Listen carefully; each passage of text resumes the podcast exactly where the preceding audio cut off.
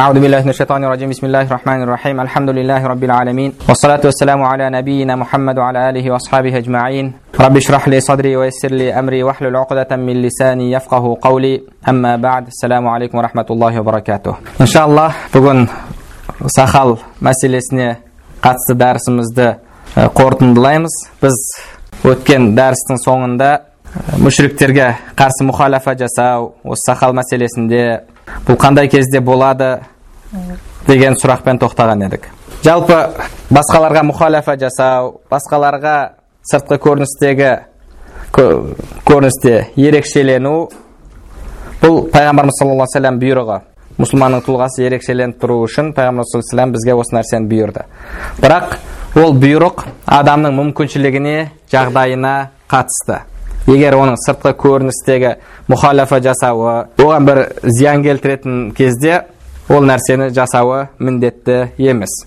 Соны пайғамбарымыз саллаллаху алейхи уассалам әбу заррин ғифари радиаллаху анхуға исламды қабылдаған кезінде не істейін деген кезде айтты. Уктум хәтәл әмір бұны жасырда варджа иля еліңе қайт деді.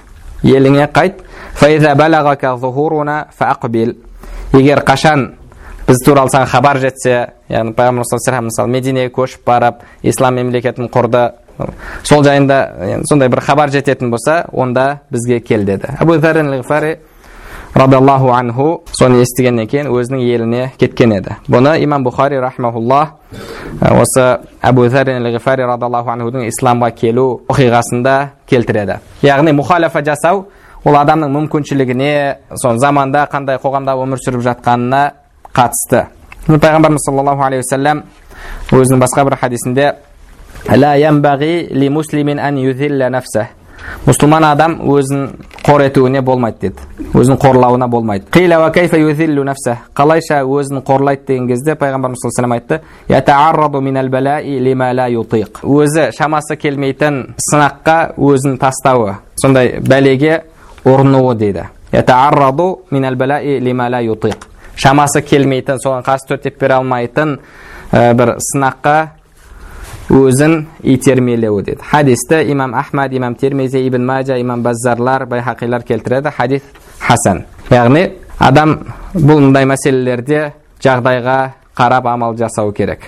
Дәрісіміздің соңында мына екі нәрсеге тоқталып кеткім келіп жатыр. Біріншісі осы сақалдың ұзындығын қысқалығын шалбардың ұзындығын қысқалығын адамның тақуалығының негізгі белгісі етіп алған өздерін сәләфу салихтың жолында жүрген жалғыз жамағатпыз деп жатқан жігіттерге мына нәрсені айтқымыз келеді. Біз қазір осы сақал мәселесін талқылаған кезімізде сақалдың үкімін шариғаттан іздеген кезімізде құраннан хадистен тәбииндердің істерінен ғұламалардың сөзінен басқа шариғат көрсетіп берген сақалдың үкімінің айласын іздеуден басқа не нәрсе істедік? Одан басқа еш нәрсе істеген жоқпыз. Ал енді сақал мәселесін іздеп сақалды қырудың харам екенін дәлелдегісі келетін адам да осы біз айтып кеткен дәлелдерге қайтады. Осы дәлелдерді өзіне негіз етеді. Басқа жерден басқа бір дәлелдер алып келмейді. Ондай болатын болса біз құран хадистен шықпаған болсақ тек қана құран хадисті құран хадисті түсінуде айласын осы сақалдың үкімінің айласын түсінуде арамызда айырмашылық болған болса неге енді олармен келіспеген адам күнәһар адам олар түсінбегендей құран хадисті түсінбеген адам үлкен күнә істеуші бидағатшы адасушы болады неге олар осы дәлелге еріп жатырмыз деп кейде төрт мазхаб алмаған үкімді алып алып өздерінше амал етеді. Неге өздеріне бұл ақы беріледі? Басқаларға бұл құқық берілмейді. Егер басқалар да тура сол нәрсені істейтін болса құран хадиске еріп жатқан кезде құран хадисті олардың түсінігіндей түсінбесе неге адасушылардың қатарына кіріп кетеді? Бұл деген бір мәселені екі таразымен таразылау емес пе? Мұсылман адамда бір таразы болу керек. Өзіне болсын басқаларға болсын жақынына болсын туысқанына болсын ұзағына болсын. Одан кейін бір үкімді айтатын кезде бір мәселеге үкім беретін кезде асықпау керек. Мәселені жан жақты қарау керек екі жақтың дәлелін салыстыру керек. Бізде өкінішке орай қазіргі кезде осы өздерін біз нағыз әхлі сүнна жамағамыз деп жүрген жігіттер көбінше мәселелерді бір жақтама қарайды. Тек қана өздерінің шейхтарының дәлелін естіп алады дәлелін жаттап алады да екінші жақта бір дәлел жоқ секілді олар барлық нәрсені өздерінің ойына ақылына негіздеген сияқты етіп көрсетеді. Пайғамбарымыз саллаллаху алейхи уассаламның сирасында келеді. Егер бір адам бір көз ойылып түскен саған жүгіріп келіп маған көмектесші ана жақта бір жауыздар залымдар мені ұрды соқты менің көзімді ойып түсірді десе бірден оған болыспа. Екінші жақты барып көр оның екі көзі ойылып түскен шығар дейді. Сол үшін де бір мәселенің үкімін білуде ешқандай таассубқа яғни фанатизмге салынуға болмайды. Мысалы ә, біз қазір осы сабақта сахал мәселесін қарастырған кезде негізгі арқа сүйеген кітабымыз қазіргі кезде әлемдегі ә, мұсылмандардың мәселесін қарайтын бастарына туып жатқан фихи мәселелердің үкімін шешетін осындай үлкен ислам әлеміндегі ғұламалар әрдайым жиналып мәселе қарастыратын отырыстар бар. Оны мәжамия фихия дейді. Сол мәжамия фихияның негізгі мүшелерінен болып жүрген шейх абдуллах ибн юсуф әл жудая алла ол кісінің өміріне береке берсін сол кісінің кітабына негізделдік ол кісінің кітабы әл лихия деп аталады ираса хадифия фихия фих, фих тұрғысынан хадис тұрғысынан сахал үкімін зерттеу деген кітап бұл кісі бұл кітап өзінің кітап жайында былай дейді واعلم أن هذا الكتاب كنت فرغت من أصله في ستة وعشرين من ذي القعدة الموافق 10 يوليو سنة 1988 мен бұл кітаптың негізгі қаңқасын 1988 жылы 10 июльде құрдым дейді сол жылы кітапты жазып негізгісін бітірген ол 1408 хижри жыл болып есептеледі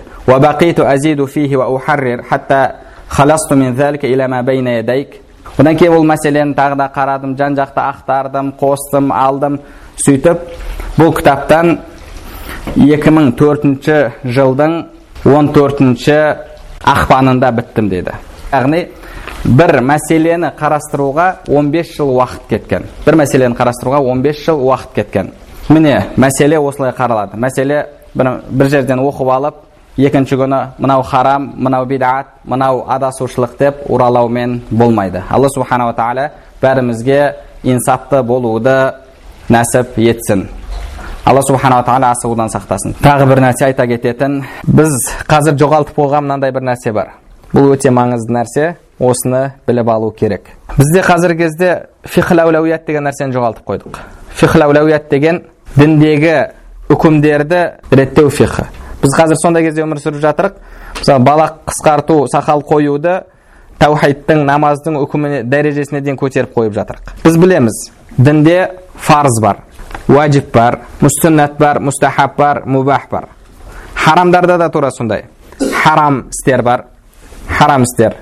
Харам істерде кәбәйір бар үлкен күнәлар бар. Үлкен күнәлардың ішінде мубиқат бар пайғамбар айтқандай адамды құртатын жеті нәрседен сақ болыңдар деді енді үлкен күнәлардың өзі де әртүрлі деңгейде мысалы ұрлау ұрлау ол адам өлтірумен тең емес жалған сөйлеу адам өлтірумен тең емес яғни екеуінің деңгейі екеуі де харам болғанымен бір деңгейде емес намаз оразаның деңгейінде емес оразадан жоғары яғни парыздардың өзі де маңыздылық жағынан барлығы бір деңгейде емес.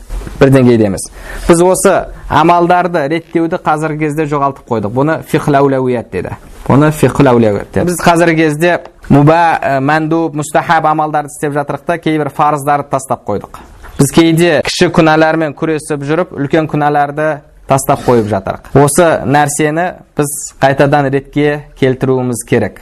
Себебі ол дінде барлық үкімдер бір деңгейде емес. Сақалдың үкімі орамалдың үкімінде емес. Сақал мен орамалды бір деңгейге қойып қою ол дұрыс емес. Орамал ол парыз оны барлығы барлық ғұламалар парыз деген. Ол әйел орамалын шешумен әуреті ашылады. Бірақ сіз сақалыңыздың бір ә, жұмысыңызға қоғамыңызға байланысты қырып жатсаңыз сіздің ешқандай онымен әуретіңіз ашылып жатқан жоқ. Әуретіңіз ашылып жатқан жоқ. Сол үшін ол екеуін бір деңгейге қойып қойып қойып қою біріншіден дұрыс емес. Мысалы кейбіреулер соның себебімен сақалдың себебімен оның намазға өтуіне болмайды имамдыққа жарамайды сақалы жоқ адам деген сияқты сөзді айтып жатады. Пайғамбарымыз саллаллаху алейхи вассалам құранды жақсы оқитын деді. Құранды жақсы оқитын яғни имамдықтың негізгі шарты ғұламаларымыз фих кітаптарында айтқандай оның ақыл иесі болуы балағатқа жетуі басқалардан құранды жақсы оқуы оқып жатқан кезде әлгі тұтығудан тұтығудан әртүрлі сондай тілінде кемшіліктерден пәк болуы. Егер сондай тілінде кемшілік жоқ адамдарға имамдық етіп жатса егер барлығын тұтығуы болатын болса тілінде кемістігі болатын болса онда жақсырағы шығып оқиды. Бірақ ешқандай ғұлама ол жерде оның сақалының ұзындығы қысқалығы есепке алынады деген сөзді айтқан жоқ. Сол үшін де бұл ә, қазіргі кездегідей кейбір адамдар істеп жатқандай біздің шалбарымыздың ұзындық қысқалығымен сақалдың ұзындық қысқалығымен адамның тақуалығын өлшеуге болмайды. Қанша мысалы сақал қойып алып бірақ тақуалықтан жұрдай болып жүрген адамдар бар. Қанша сақал болмаса да іште дінге күйініп ә, мұсылмандар үшін жаны ашып қолынан келгенше дінге қызмет етіп жүрген адамдар бар. Яғни ол сақал біздегі бір негізгі таразыға айналып қалмау керек. Негізгі таразыға айналып қалмау керек.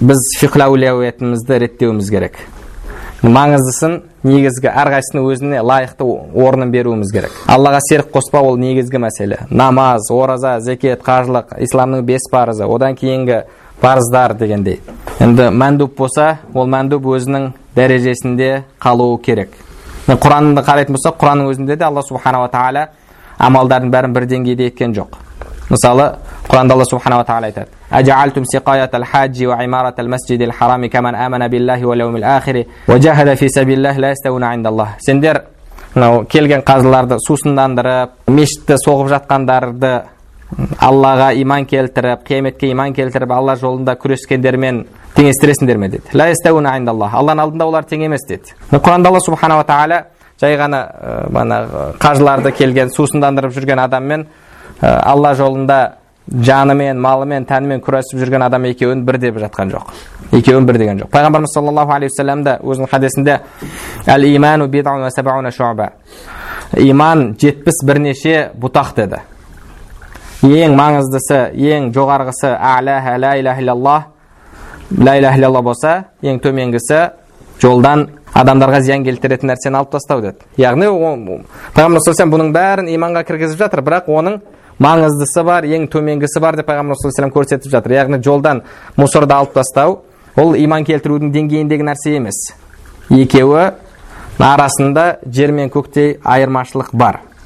Пайғамбар саллаллаху сахабалар келген кезде я расулаллах амалдардың абзалы қайсысы дейтін? Амалдардың абзалы қайсысы дейтін? Яғни амалдың да абзалы бар. Ол мысалы бір уақытта мынау іс абзал болатын болса басқа уақытта басқа іс абзал болуы мүмкін. Қазіргі кезде мұсылмандар нәпіл істерге көп уақыт бөліп кейде парыздарды ұмытып қойып жатыр. Мысалы бір адамды көресіз бір қалада бірнеше мешіт бар қанша мешіт бар ол тағы да мешіт соққысы келеді. Ол мешітте оған жүз мың бес жүз мың миллион долларға дейін шығын шығуы мүмкін. Сіз оған е одан да кел осы мешіттерді жақсы кадрмен толтыратын медресе соғайық ұстаздарға айлық берейік десеңіз ол оны істегісі келмейді. Оны істегісі келмейді. Немесе бір адам жылда қажылыққа барады. Ол бірінші қажылығы парыз одан кейінгісі оған парыз емес. Немесе кедейлерге ақша төлеп қажылыққа жібереді. Ал ол кедейге қажылық парыз болған жоқ. Бірақ сіз сол адамға кел одан да осы ақшаңды мұсылман бір қызды университетке түсірейік медицинаны оқысын гинекологияны оқысын акушерканы оқысын десеңіз ол оған төлегісі келмейді. А бірақ қарайтын болсаңыз мынау екіншісі маңыздырақ. Неге? Себебі мұсылман әйелдердің өздерінің мұсылман дәрігерлер болу керек әйелдер. Ол барып еркектің алдына барып алып екі аяғын ашып әуретін көрсетіп жату негізі бұл осы іс үшін біз мұсылмандар қазір күнәһар болып жатырық. Бұл фард кифая. Фард кифая. Егер біз оны толық орындамасақ біз күнәһар боламыз сол үшін міне әйелдеріміз қазір қанша еркектердің арасы алдына барып әуретін ашып жатыр больницаға барады қанша акушерлер еркек акушерлер бар соның алдында жатып босанып жатыр әуретін ашып біз осы үшін күнәһар болып жатырық енді оған осы маңызды енді нәпіл іске емес осы парызға жұмса десеңіз ол жұмсағысы келмейді жұмсағысы келмейді бірақ нәпілдерге жұмсайды мысалы қанша жігіттерді көрдік қанша жігіттерді көрдік кейбір уағыздарды естіп алып ол бізде дағуатқа шығуымыз керек деп ә, университетін тастап жатқан. Университетін оқып жатқан университетін тастап жатқан мамандығын тастап жатқан қанша жігіттерді көрдік. Енді біз дағуатқа шығуымыз керек дінді жаюымыз керек деді. Жоқ сен өзіңнің салаңда қызмет етуің ол да дінге қызмет. Ол да дінді жаюың. Енді әрбір мұсылман өзінің негізгі мамандығын тастап дағуатқа шығып кететін болса онда кім мұсылмандардың мұсылмандардың арасында осы мамандықтардың орнын толтырады? Кім? Немесе біз басқаларға тәуелді болып қаламыз ба кейін басқа дін дұшпандарына тәуелді болып қаламыз. Пайғамбарымыз саллаллаху алейхи вассалам мединеге келген кезде әрбір сахабаның өзінің тірлігі бар еді. Оның ешқайсысына сен дағуат жасау үшін жұмысыңды таста деген жоқ. Шайқасқа шығу керек болған кезде шайқасқа шақырды олар шығатын басқа уақытта келіп өздерінің жұмысын істейтін омар радиаллаху анху ауысып бір сахабамен бір күні бұл келіп бір күні әлгі сахаба келіп сөйтіп өзінің жұмысын істейтін еді. Яғни бұл дегеніміз бізде қазіргі кезде осы басымыздағы негізі амалдарды реттей алмаудың себебінен реттей алмаудың себебінен. Ғұламаларымыз ибадатты үшке бөледі. Біріншісі әрбір адамға парыз болған ибадат құлшылық. Намаз ораза зекет сияқты намаз ораза ә, осы алланы зікір ету тағы да осы сияқты. Харамнан ұзақ болу сияқты істер. Екіншісі ибадат тахассус дейді. Ибадат тахассус әрбір мамандықтың құлшылығы дейді. Яғни мен доктормын ба? Менің негізгі намаз оразамнан кейінгі құлшылығым мұсылмандарды емдеу. Ол мамандығымды тастап қойып барып дағуатқа шығу емес. Немесе ә, келіп алып мешіттің алдында тұрып адамдарға дінді үйрету емес. Оның өзінің адамдары бар. Яғни әрбір мұсылман өзінің саласында дінге қызмет ету керек. Оны айбадат тахассус деді. Және үшіншісі айбадатл аср дейді айбадатл аср яғни сол ғасырда ең маңызды болған нәрсе не? Соған мұсылмандар көңіл бөлуі. Енді қазіргі кезде мысалы қанша адамдар шоқынып жатыр қанша адамдар арақ ішіп құлап жатыр қанша адамдар бағанағы шірік жасап жатыр соларға қарсы төтеп беру біздің негізгі міндетіміз осы ғасырдағы ә, ибадат негізгі мұсылмандардың істейтіні қанша мысалы ә, батыстан басқадан түрлі адамдарды бұзатын нәрселер келіп жатыр қанша жастар азғындап жатыр соған қарсы күресу ол осы ғасырдың негізгі құлшылығы болу керек. Ол әрбір жеке мамандықтың құлшылығынан кейін жеке бастың құлшылығынан кейін. Бірақ біз сол нәрселерді тастап қойып қазіргі кезде кейбір адамдар мен бір осы ойбай сақалың болмаса сен пасықсың сақалың болмасаң күнәһарсың бағалағың тобыңнан түсіп кетсе күнәһарсың деп жүрген кейбір жігіттерге қанша адамдар шоқынып жатыр қанша адамдар ә, арақ ішіп құлап жатыр қанша адамдар барып біреулерден ба, бала сұрап жатыр. Солармен қайтаға жұмыла күреспейміз бе деген кезінде сондай сөздер айтылған кезде жоқ бізге олардан қауіп келмейді бізге еговистерден бізге протестанттардан әлгі миссионерлерден қауіп келмейді олардың кәпір екені анық. Бізге қауіп міне мына өзіміздің арамыздан келеді сол үшін бірінші мешітте сабымызды тазартып алуымыз керек деген сияқты сөзді айтқан. Яғни олар үшін ол адамдар сондай болып қалған да олар үшін бес уақыт намазын оқып намаздан кейін тәспісін тартып намаздан кейін бір біріне алла қабыл болсын деп құран оқып шыққан адам әлгі шоқындырып жатқандардан да қатерлі болып қалды бұл деген адамдардың басына вирустың кіріп кеткені да әлгі ненің маңызды ненің маңызды емес екенін әрбір үкімнің өзінің мөлшеріндегі әрбір үкім өзінің салмағында яғни оның орнын бере алмағандықтан кейбіреулер мысалы қанша жігіттерді ә, көрдім мен өзім жақсы араласатын кісі жақсы араласатын кісі. Соның танысы осы біз оңтүстікте завод ашылды май шығаратын. Сонда бір екі жігіт істеді деді. Екі жігіт істеді сол саланың нағыз мамандары деді. Нағыз мамандары. Сақалдары ұзын еді деді. Енді ана жерде айтқан е бұл ертең әртүрлі сөз келеді тексеру болады. Сақалыңды қысқарт ретке келтір деген. Қырып таста деген жоқ. Сақалыңды ретке келтір деген. Сонда жоқ маған тиюге болмайды сақалға деп сол үшін жұмыстан шығып кетті деді. Енді не істейді ертең барады да миск әкеліп мешіттің алдында сатады тағы да басқа ана жерде мисуак сатады басқа қылады сол сияқты нәрселерді істеп жүреді. Ал өзінің негізгі мамандығын тастап жатыр. Яғни бұл дегеніміз енді сақалды қандай деңгейге көтеріп қойды? Бірде умрада болдық. Умрада болған кезде қазір сол харамға қарама қайшы үлкен сағатымен гостиница соғылған білесіздер. Соған кірсеңіздер екінші этажында тамақ жейтін жер бар. Тамақ жеу сол жерге тамақ жеуге кірген едік. бір жігіт қазақ жігітімен танысып қалдық. Өте сирек кездесетін мамандықты южный африкада оқып жатыр екен. Жігітті қарасам түрінен яғни бала қысқа ана сақалы ұзын. Қаншасыншы курста оқып жатсың бітірейін деп жатырмын. Сұрадық елге қайтасың ба десек сақалыма тиіспей ма деді. Яғни егер елінде оның сақалына тиісетін болса онда ойы қайтпауда сол жақта сол сақалдың машалла құрбаны болып сол мамандығында тағы да басқа үйреніп келген білімін мұсылмандардың арасында жаюдың орнына сол сақалды одан маңызды етіп қойып қойып сонан елге қайтпай жүрмекші. Бұл деген адамның басындағы әлгі әрбір амалдың деңгейін араластырып жіберген. Әр нәрсенің өзінің орнын білмейді. Субханалла мен сондай адамдарды көрдім сақалды қандай деңгейге көтеріп қойған мысалы интернетте фәтуа жүр. Осы каирда оқып келген жігіт каирда енді университетте оқымаған сол жақта хужраларда оқып келген жігіт орыс тілінде сөйлейді татар жігіт содан фәтуа сұралып жатыр сақал мәселесінде олар россияда тұрады мысалы чечня жақтарда сол кавказда тұратын жігіттер сұрап жатыр біз үйге бара жатқан кезде сақалымызды қырамыз дейді енді олар сақалды қыруды түгелдей харам оны істеген адам пасық әйелге ұқсаған деген ойда жүрген жігіттер ғой себебі бізге барғанда аэропортта тексерулер болады қанша қиыншылықтар бізге зиян келтіреді деді. Сол үшін біз қырамыз деді. Бізге бауырлар соны рұқсат деп фәтуа берді деді. Соған не дейсіз деп сұрақ қойып жатыр. Сонда ол айтады енді олар айтады олар солай фәтуа беріп жатыр бірақ мен негізі онымен келіспеймін дейді менің өзім ойыммен келіспеймін.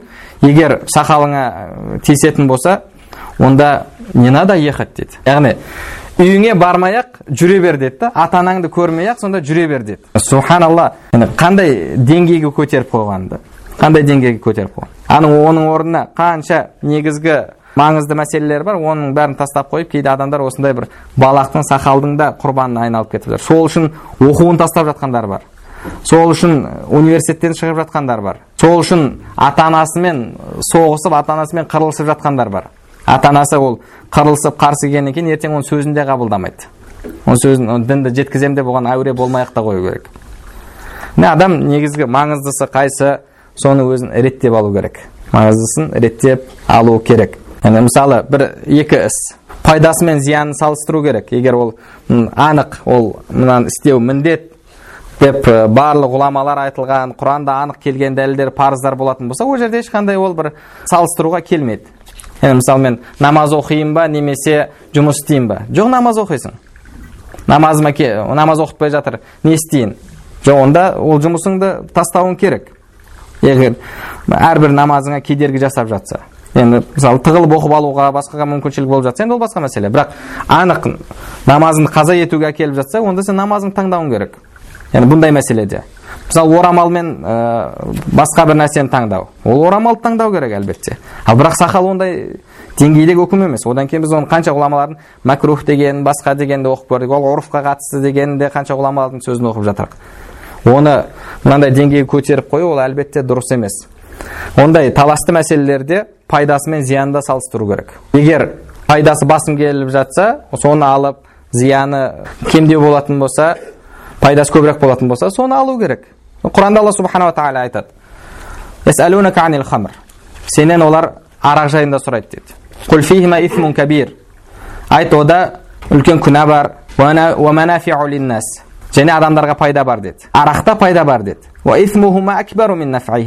бірақ пайдасынан зияны көп деп жатыр онда кейбір пайдалар болуы мүмкін бірақ пайдасынан зияны көп деп жатыр яғни адамда сол сияқты ода фихул муазана деген нәрсе болу салыстырып көру маған қазір қайсысы маңыздырақ қайсысы керек? Бұндай жерде мысалы ғұламаларымыз айтады негізгі ибадат жеке бастың ибадат құлшылығынан кейін әл хайрул мутаадди немесе лазим деген сияқты сөзді айтады. Мысалы негізгі жеке бастың ибадат құлшылығынан кейін басқа біреуге пайдасы тиетін амал тек қана пайдасы өзіңмен шектеліп қалатын амалдан хайырлы деді. Яғни сіз бір істі істесеңіз басқаларға пайдасы тиеді бірақ бір іс істесеңіз пайдасы тек қана өзіңізбен шектеледі. Бұндай кезде сіз басқаларға пайдасы тиетін істі таңдауыңыз керек. Сақал қоюыма кедергі болып жатыр. Жұмыс істесем мен мұсылмандарға пайда жеткіземін мына жерде мен отырмасам орныма басқа бір парахор келеді. Ол адамдарға қанша зиян келтіреді. Енді адам оны салыстырып көру керек та сол бір жоқ мен сақалымды қырсам болды тікелей тозаққа түсіп кетемін деген оймен ол барлық нәрсені тастамай біз қазіргі кезде сондай мәндуб мұстахаб амалды парыздан жоғары қойып жатқан ғасырда өмір сүріп жатырмыз сол үшін әрбір мұсылман бұл нәрсені қайта реттеуі керек ұяттау болса да мынандай бір оқиғаны айтып бере салайын біз қазір сондай деңгейде өмір сүріп жатырмық та бұл адамдардың деңгейін көрсетеді шейх ә, мұхаммад айуади деген кувейттегі шейхтердің бірі айтады америкаға іс сапармен барған сонда бір араб жігіт дейді сол американың көзқарасын барлығын қабылдап кеткен енді бізде қазір обрусевший қазақтар бар ғой бағанағы орыстанып кеткен сол сияқты келіп алып айтады дейді мен герлфрендім бар дейді да яғни жүріп жүрген қызым бар дейді жүріп жүрген қызым бар сол екеуміз бірде болып бірде бол бол көтеріп қалды деп айтады деді көтеріп қалды енді қазір қарында бала бар не істейміз деп сұрақ қойып жатыр бізде де қазір қанша сол нәрсемен адамдар үйленіп жатыр. Былайша айтқанда залетпен үйленіп жатыр. Енді ол араб елінде бұл нәрсе өте үлкен ауыр нәрсе. Яғни біз мысалы мен оқыған жерде ол бір жігітпен бір қыздың кездесуінің өзі олар үшін бір қиямет. Ол кездессе бір бір минутқа жан жағына жалтақтап бір қарайды да бір минут сөйлессе сөйлеспеді екеуі екі жаққа тарап кетеді. Ол жақта бір қол ұстасып жүру құшақтасу деген нәрсе түгелдей жоқ. Ол мысалы хижабсыз жүруі мүмкін бірақ әлгіндей нәрсеге оларда әлі біздегідей тарай қойған жоқ. Енді ұстаз үшін ол ауыр нәрсе. Ал мынау келіп соны қиналмай айтып тұр. Ашуланған. Ей оңбаған ақмақ оның зина екенін білмейсің ба оның харам екенін білмейсің ба? Ал жарайды енді сен сол зинаны жасап қойдың. Енді жасасаң хотя бы ең болмағанда сәл ақылмен жасамайсың ба оны соңын ойламайсың ба? Неге енді әзіл жасамадың деген ғой. Әзіл деген қосылған кезде мысалы еркек пен ә, күйеуі мен әйелі қосылған кезде екі жақтың келісімімен ұрықты сыртқа ағызу сыртқа шығару. Бұл шариғатта рұқсат. Бұхари муслимде келетін хадисте біз әзіл жасайтын едік құран ол кезде түсіп жатқан еді. Яғни харам болғанда бізді қайтарар еді дейді неге енді еш болмағанда әзіл жасамадың енді? Зинаны жасаптың жасауға жарайды ақылың жетіпті. Енді неге соны ақылмен жасамадың деп ашуланған ғой? Сөйтсе әлгі жігіт айтады деді. Ұстаз мен әзіл жасау яғни ұрықты сыртқа ағызу макрух деп естіген едім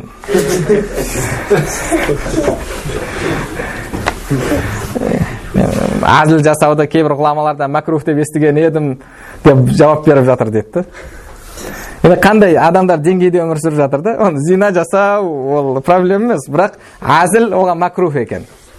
Енді біз қазір сондай деңгейде өмір сүріп жатырмық та адамдар. Сондай деңгейде өмір сүріп жатырмық біреулер сақал үшін еліңе бармай ақ қой деді. Біреу еліме қайтамын қайтсам сақалыма тиіспейді ма деді. Біреу сол ә, сақалыңды қысқарт деген үшін қыр деген үшін жұмыстан шығып жатыр. Бұл деген біздің мұсылмандардың қазір басында ә, сондай бір кашаның каша болып жатқандықтан.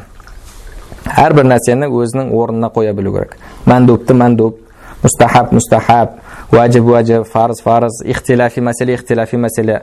Омар ибн абдулазиз айтады ғұламалардың алдыңғы ғұламалардың олардың бір нәрседе келісуі ол бұл үзілді кесілді құжат деді біз үшін яғни ижма ғұламалар бір ауыздан келіскен мәселелерді болды оны талқыға салынбайды ал бірақ олардың ихтиляфы араларындағы әртүрлі көзқарастардың болуы біз үшін үлкен кеңшілік рахмат деді яғни біз осындай ихтиляф мәселенің бәрінде тек қана харам харам деген ауыр жағымен ала берсек онда қай жағынан бізге рахмат болады? Қай жағынан кеңшілік болады? Осындай кезде сол ихтиляфтарды пайдаланып өзіміздің яғни мұсылмандарға пайдалы жағына пайдалансақ бұл деген енді мұсылман үшін өте керек нәрсе қазіргі кезде. Қазіргі кезде өте керек нәрсе. Сол үшін де бұл сақалды да өзінің деңгейінде қарау керек. Ол ешкімді сақалының деңгейіне қарап оның тақуалығын ешкім өлшемеу керек. Тақуалық мына жерде деді жүректе деді. Ол бір себептермен қоя алмай жүрген шығар жұмысында шығар жұмысындағы оның қызметі мұсылмандарға қайда басқа көбірек пайда тигізіп жатқан шығар. Сондай адамдарды білеміз сақалы жоқ. Бірақ оның мұсылмандарға келтіріп жатқан пайдасы қанша сақалдылардың пайдасынан көп. Қанша шәкірттер тәрбиелеп жатыр. Мысалы қанша директорлер білеміз медреседе шапқылап жүріп сол балаларға тамағын тауып беремін деп жүреді. Ана жаққа шапқылайды мына жаққа шапқылайды ана бастықтың алдына кіреді әкімге кіреді басқа кіреді. Әйтеуір мұсылмандардың қамын ойлап жүрген адамдар. Ол адамға келіп сен сақалың жоқ сен пасықсың деп айту әлбетте бұл ақымақтық. Малики мазхабының белгілі ғұламасы имам ибн абділбар рахимахуллахтың мынандай бір керемет сөздер бар. Ол кісі шаштың болуы шашты құру қиямет күні адамға ешқандай пайда зиян келтірмейді дейді шынында ертең бізге сауап немесе күнә ниеттерімізге амалымызға жараса беріледі махлуқ яғни қырылған енді бұл жерде шашы болар сақалы болар мұрты болар қырылған адам шашты адамнан сақалды адамнан хайырлы болуы мүмкін дейді енді шашты адам да ізгі адам болуы мүмкін дейді яғни бұл жерде мәселе негізінде адамның жүрегіндегі тақуалығы дінге деген жанашуы мұсылмандарға деген махаббаты алла субханала тағаладан қорқуы қияметке деген тырысуы алла субханала тағаланың азабынан қорқуы міне осы адамның негізгі тақуалығының өлшемі тақуалығын өлшейтін негізгі таразы болып есептеледі құранда алла субханала тағала қиямет күні мал мүлікте бала шағада пайда бермейді кім сау жүрекпен келетін болса деді сол үшін де негізгі мәселе ол адамның жүрегіндегі иманы адамның жүрегіндегі алла субханала тағаладан қорқуы негізгі таразы осы болу керек ал бұдан басқасы әсіресе ихтилаф мәселе болатын болса оны негізгі таразы етіп алу бұл дұрыс емес. Бұл үлкен қате іс болып есептеледі. Сол үшін де біз әрбір адам осы фиқл деген нәрсені үйренуіміз керек. Әрбір нәрсені өзінің орнына қою керек. Оны өтіріктен үрлеп ә, бағанағы құрбақа ісінеді ғой. Сол сияқты оны ісіндіріп өзінің негізгі мөлшерінен үлкен етіп бермеуіміз керек. Бұл үлкен қателік. Бұл үлкен қателік. Сол үшін де әрбір мұсылман хикмат даналық иесі болу керек алла субханала тағала құран кәрімде алла кімге қаласа даналықты береді дейді кімге даналық берілсе оған үлкен жақсылық берілді деді даналық деген даналық деген керекті істі керекті істі керекті уақытта керекті тәсілмен істейтін адам яғни сөз айту керек болса керекті сөзді айтады айтылу керек сөзді айтады уақытын дұрыс таңдайды және тәсілін дұрыс таңдайды. Соны жеткізу тәсілін де дұрыс таңдайтын адам. Істі де тура сондай. Мұсылман адам даналықпен жұмыс алып баруы керек. Және ә, ол тозақ жәннаттың кілті өзінің қолында тұрғандай біз әрбірдің әркімге үкім шығару үшін жүрген адам емеспіз керісінше сол адамдарға рахмет көзімен қарайтын адам болуымыз керек. Себебі пайғамбарымыз саллаллаху алейхи әлемге рахмат етіп жіберілген еді біз де сол пайғамбарымыз саллаллаху алейхи ұқсап адамдарға рахмат көзімен қарап даналықпен іс алып баруымыз керек алла субханала тағала иншалла бәрімізге сол фихлаулауият деген нәрсені нәсіп етсін бәрімізге даналық берсін әрбір нәрсені өз деңгейінде қарайтын сондай көкірегі ояу көзі ашық адамдардан болуды алла субханала тағала бәрімізге нәсіп етсін